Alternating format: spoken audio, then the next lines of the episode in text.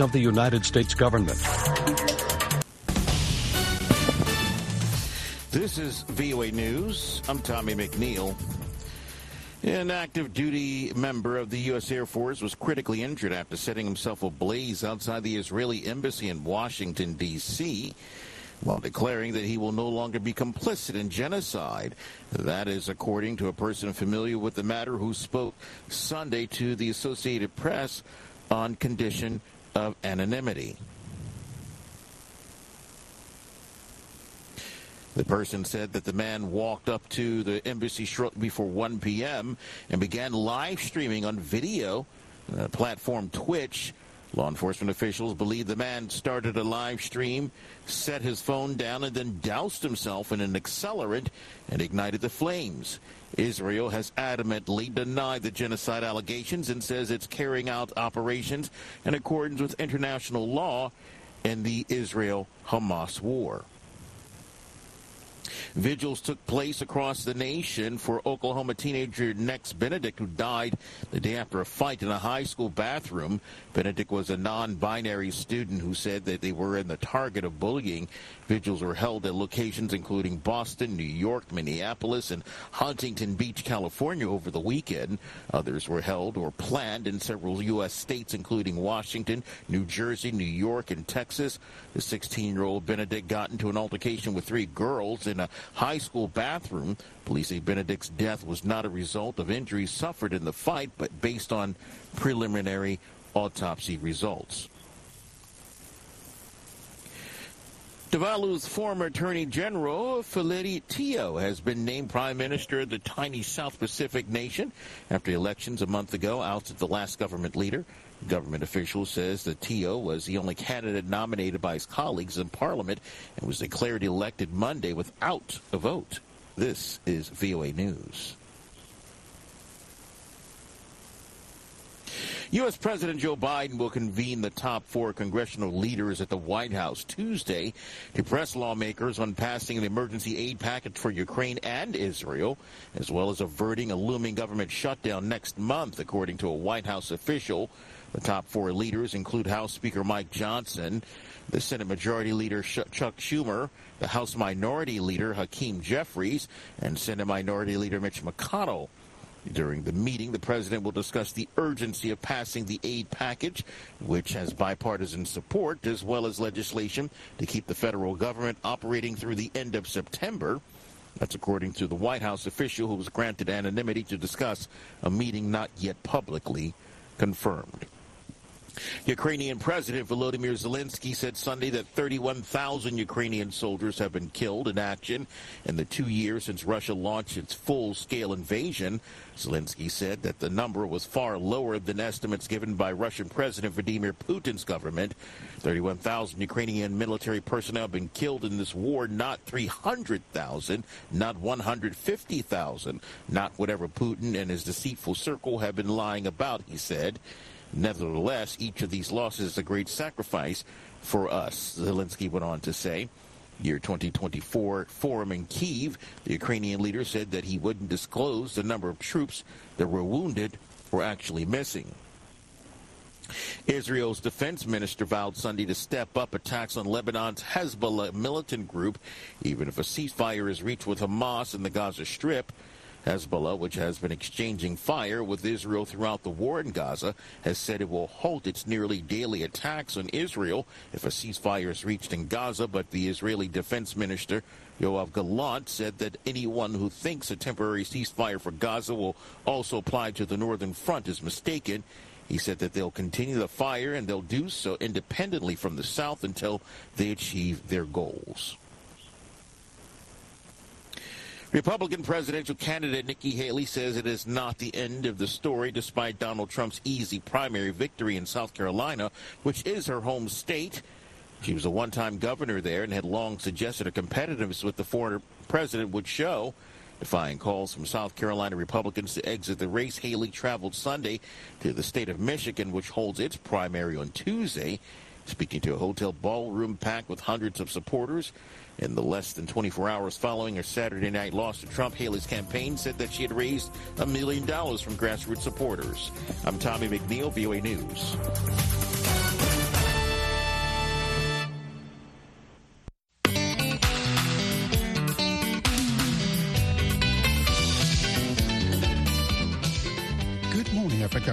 To Daybreak Africa from the Voice of America. I'm James Butty in Washington. Today is Monday, February 26, and here are some of the stories we are covering. A former ECOWAS official says the sub-region needs unity to collectively deal with its many challenges. It is only through democratic governance that we can have sustained peace and tackle the challenges facing West Africa and indeed even Africa. Some residents of Liberia's capital voiced frustration with the lack of a steady electricity supply. Ivory Coast President pardoned 51 people convicted of treason and other crimes. We'll get a reaction from the party of exiled politician Guillaume Soro. South Africa's ruling ANC officially launches its campaign for the May 29 general election if issues are unresolved, it will not make sense for you to come up with new things. So, um, effectively, there's nothing surprising about uh, the ANC's manifesto. And Israel plans to push ahead with an offensive against Rafah amid new ceasefire efforts. Those story plus our Black History Month and a presentation and Samson Omale Sports are coming up on Daybreak Africa.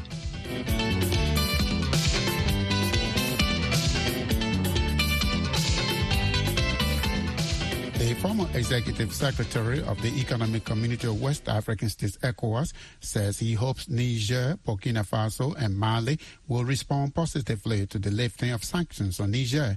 Mohamed Ibn Chambas, now the African Union High Representative for Silencing the Guns uh, Conflict Initiative, says uh, this will allow the region to collectively deal with the challenges of terrorism, economic development, and governance. Chambas tells me that it is only through democratic governance that West Africa can have sustained peace. I think it's a step in the right direction. It means that the heads of state of ECOWAS have heeded the advice of the only surviving founding father of ECOWAS, General Gowon, who had counseled and given his advice that at this point it would be wise to remove most of the sanctions in order to create relief for the suffering population of Niger and also to create an atmosphere for dialogue to resolve the political crisis in the country. You had appealed uh, and, and, hoped that ECOWAS would lift uh, sanctions on Mali, Burkina Faso, and Niger. Are you disappointed by sanctions being lifted only on Niger? Actually, the sanctions have been lifted on Niger because the other countries were not facing the same level of sanctions. As a matter of fact, Burkina Faso, there were no sanctions except the normal political sanctions of suspending a country where a coup has occurred. And that is standard sanctions of ECOWAS and of African Union. Mr. Chambas, you are now the African High Representative for Silencing the Guns in Africa. Having dealt with conflicts in West Africa, how best do you think uh, Africa can overcome these many conflicts that are currently raging on the continent? My current role as AU High Representative for Silencing the Guns is what has made me to speak up in support of General Gowon's call to find a diplomatic solution to the current crisis in Niger, in Burkina Faso, in Mali. Speaking of the Sahel countries, their major existential threat right now is violent extremism and terrorism. We need to engage them, ECOWAS, the African Union, in seeing how they can be helped to fight against the terrorists, regain territories controlled by the terrorists, allow the millions of people who are displaced to return to their homes, and work with them for the restoration of constitutional democratic governance. Because at the end of the day, it is only through democratic governance in which the people truly choose their leaders that we can have sustained peace and tackle the challenges facing West Africa and indeed even Africa. Mohamed Ibn Chambas is the former executive secretary of ECOWAS. He was speaking with us from the Ghanaian capital, Accra. South Africa's ruling African National Congress, ANC, officially launched its campaign for the May 29, 2024 general election on Saturday. The South African Mail and Guardian reports that President Cyril Ramaphosa presented the party's manifesto to a packed stadium. It summarized what the ANC would do differently to carry out policies like creating jobs, reducing the high cost of living, and boosting industrialization. Professor Sipho Seepe is a political analyst and the former deputy vice chancellor for institutional support at the University of Zululand. He tells me the manifesto was no different from when the ANC first came to power 30 years ago is uh, more of the same, but uh, one must also understand why there be a repeat of the same issues if issues are unresolved, it will not make sense for you to come up with new things. So um, effectively, there's nothing surprising about uh, the ANC's manifesto. And uh, most importantly is that uh, that manifesto is also not that much different from uh, that of other parties in the sense that uh, the South Africans are faced with the same problems. So I did not find anything, nor did I expect anything new from the ANC manifesto. Well, Professor, I think uh, the purpose of a manifesto is to outline what you would do. For example, the ANC wants to create more job opportunities. It's not to say that it's going to immediately deliver. This is what it says it will do when it gets into power. It has said that many times uh, for the last 30 years. That has been the ANC's uh, promise to the people. And each president keeps on saying the same thing and uh, even making more promises. So the fact that uh, they are able to articulate those issues, that's well and good. But there's an issue of credibility and there's issue of believability. So what you find in South Africa today, that's why you have a mushrooming of uh, parties, is mainly to say we no longer have faith in the current uh, political arrangement. We no longer have faith in the ANC being a leader of society. That even the former president of the ANC, Thabo Mbeki, has been on record that uh, he will not avail himself to campaign for the ANC because uh, he cannot find any good reason and any good story to tell to the people. Because with Ramaphosa, what has happened is he has tended to reverse many of the things that were achieved. For instance, one of the things that the Ramaphosa has done in the year 2024 is the appointment of three white males into the constitutional court. And that shocked even the Black uh, Association of Advocates. Professors, but doesn't such appointment represent South Africa as a rainbow country? Well, you have a rainbow country, but the, that country must also be representative. You cannot have a situation where the Africans still occupy 5% of the land. You cannot have a situation where management in the country is largely white and Africans only occupy about 10% of all senior positions in the corporate world and in government, except only when they are political appointees. Professor Sipho Seepe is a political analyst and the former deputy vice chancellor for institutional support at the University of Zululand. He was speaking with us from Johannesburg. Liberians are calling for help from their government to address frequent power outages in the country amid the hot temperatures which meteorologists have attributed to climate change. Liberians are suffering from shortages of electricity. Rita Duo reports from Monrovia. The constant disruption in the supply of electricity has become a major concern to many residents of the capital Monrovia. 65 year old Beatrice Wa sits under the tree in her yard, fanning herself with a rubber plate as she struggles for air. She is calling for swift intervention from the government. To take responsibility for the citizen of the country. That one we can put in power, but when they get there now, then our mouth dragging but now I'm talking that the government will come to bring current with the old man there can be sweating, heated. They turn a real Spanish gentleman fire. They coming from underground in the air. Yeah, we die. Oh.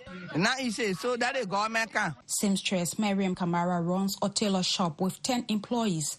She says the shortage of electricity is affecting her business. Sometimes we can spend two, three days without seeing current. And for me, my business are doing, we got designing machine and other things there. And when the current is not around, it's suffering a lot because we're not really making business. The money you're getting, everything going into gas. So for that reason, how much so much you getting from there? Josephine Dennis, a single mom, says criminals are taking advantage of the frequent outage of electricity, with some communities going several days before it is restored.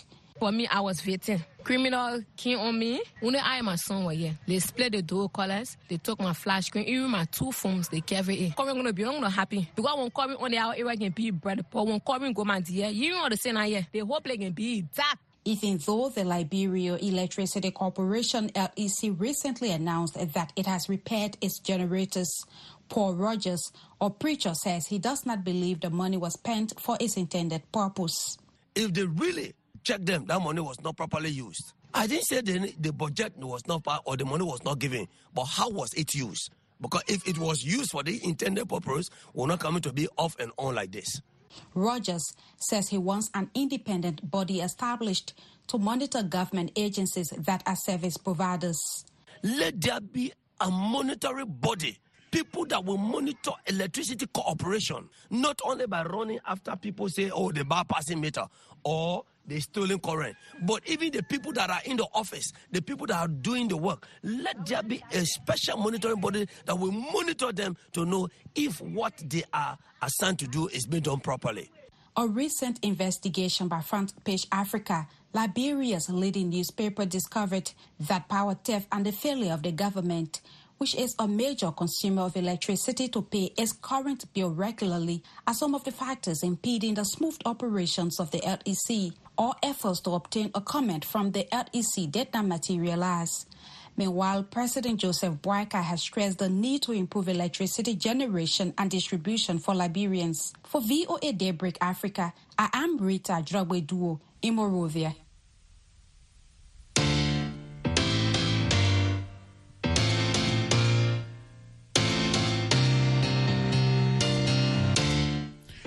Listening to Daybreak Africa on the Voice of America. I'm James Butty in Washington. Today is Monday, February 26th. For more Africa news and features, visit our website at voaafrica.com. Connect with us on all social media platforms. We are on Facebook, Twitter, and Instagram. And still to come on our program, our Black History Month and Samson Omale Sports.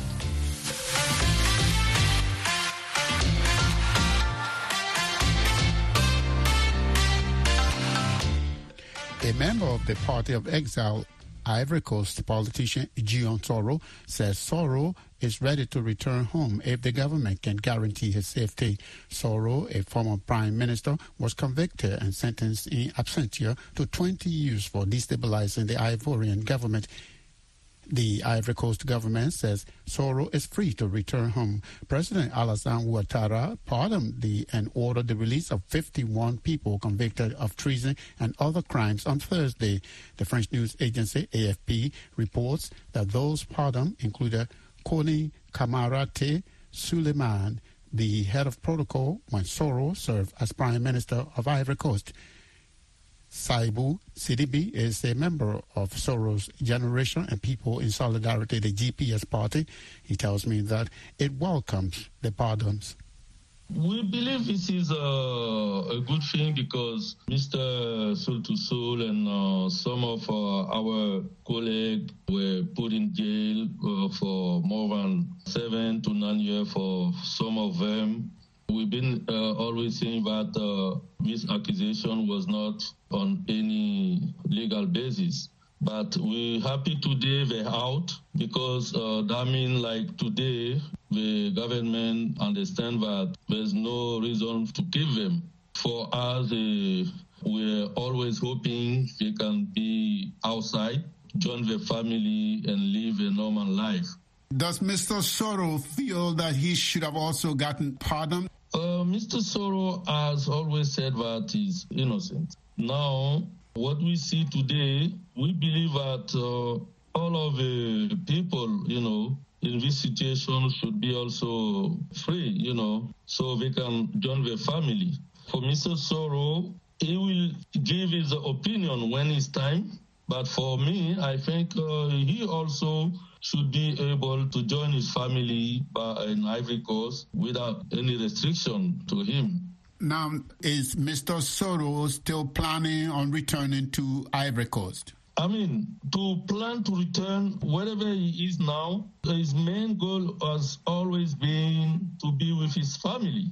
And no one, even the Ivory Coast Constitution, agree and keeping Ivorian outside of the country for this kind of time. So he should be really able to join his family, you know, to be with them in Ivory Coast. And this is our main prayer today you know, for him to be safe in his family without any restriction. So we believe that he should be in uh, back home. But uh, President Ouattara's government has said that he's free to return. Yeah, but we know that uh, the same government also has put some uh, accusation. You know, you were there when they said because if you want someone to return, I mean, like uh, you also lift all the the accusation on him. Like they say he's been condemned for life.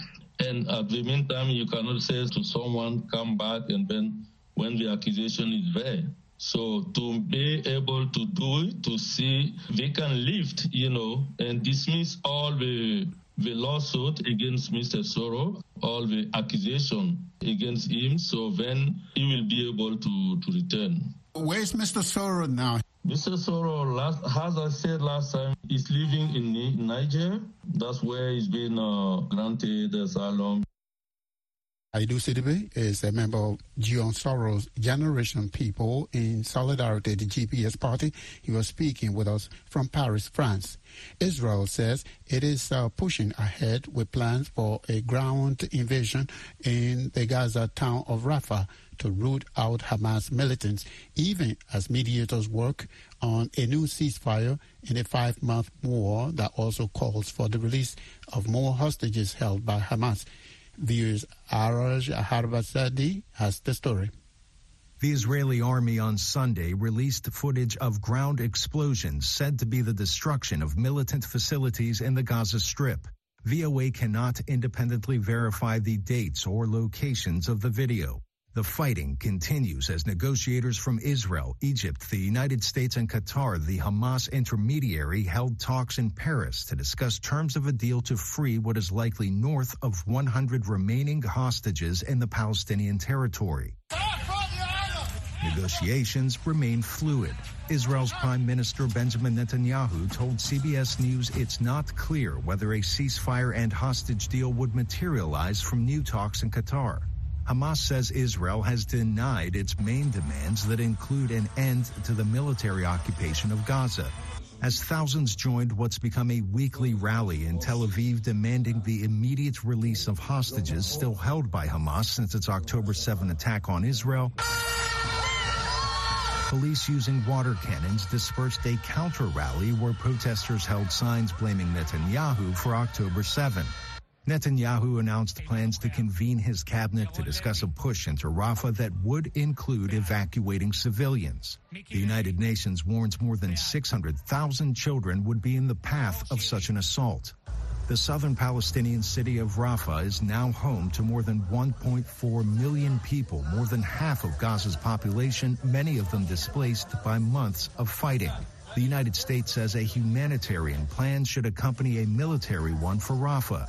We're talking about more than a million people who have been pushed into this small space in Gaza because of military operations elsewhere. It's also the area where all of the humanitarian assistance comes into Gaza to serve all of Gaza. And so we've been clear that we do not believe that an operation, a mil- major military operation, should proceed in Rafah unless there is a clear and executable plan to protect those civilians, to get them to safety, and to feed, clothe, and house them.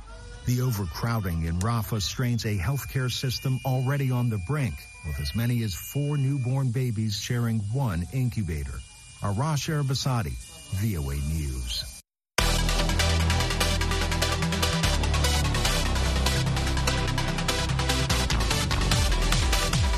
It's time now for Daybreak Africa Sports, and here is Samson Omale in Abuja, Nigeria. A very good Monday morning to you, Samson.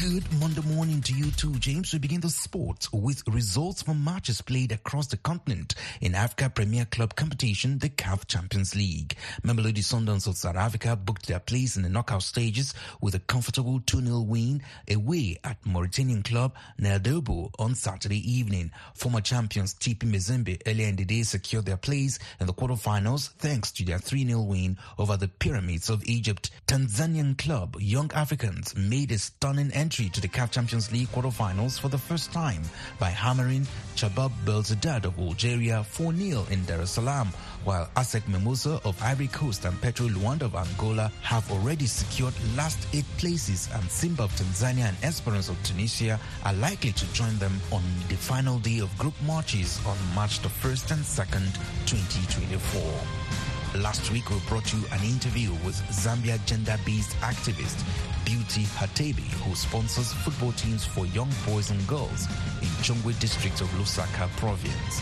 Hatebe believes that football can keep young boys and girls off drugs and other social vices. Here's the second part of the interview Hatebe had with my colleague James Butty. So, when you say you personally sponsor the boys, what level of soccer or performance is your team? Do you hope one day to turn it into a professional team?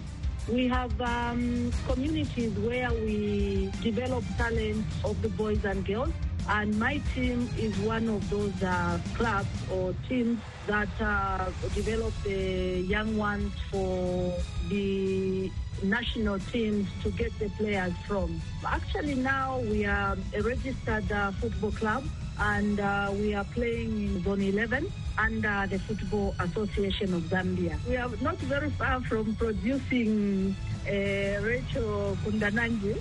We are trying to do something at least with the, the boys and girls. And out to athletics, where Kenyan runner Vincent Kibet Langat won the sixth edition of the Africa Cross Country Championships, which took place on Sunday. Langat won the 12 kilometer race in Hammamet in 28 minutes, 31.28 seconds ahead of his compatriot Naibi Kiplimo Mayabi, who finished second with a time of 28 minutes 40.27 seconds, while Ethiopian Genicha Dida Diriba took the third position with a time of 28 minutes 57.23 seconds. Some 230 athletes representing 12 countries took part in the cross country championship. Still staying with athletics, but on a sad note, Kenya's distance runner Charles Kipkori Kipsang is dead. Athletics Kenya confirmed the demise of Kipkori after he collapsed immediately after finishing the Mount Cameroon race of Hope in Buea, southwest of Cameroon on Saturday. And that's it for this Monday's edition of Daybreak Africa Sports. I am Samson Omale in Abuja, Nigeria. It's back to you, James, in Washington. Samson, have a very good Monday.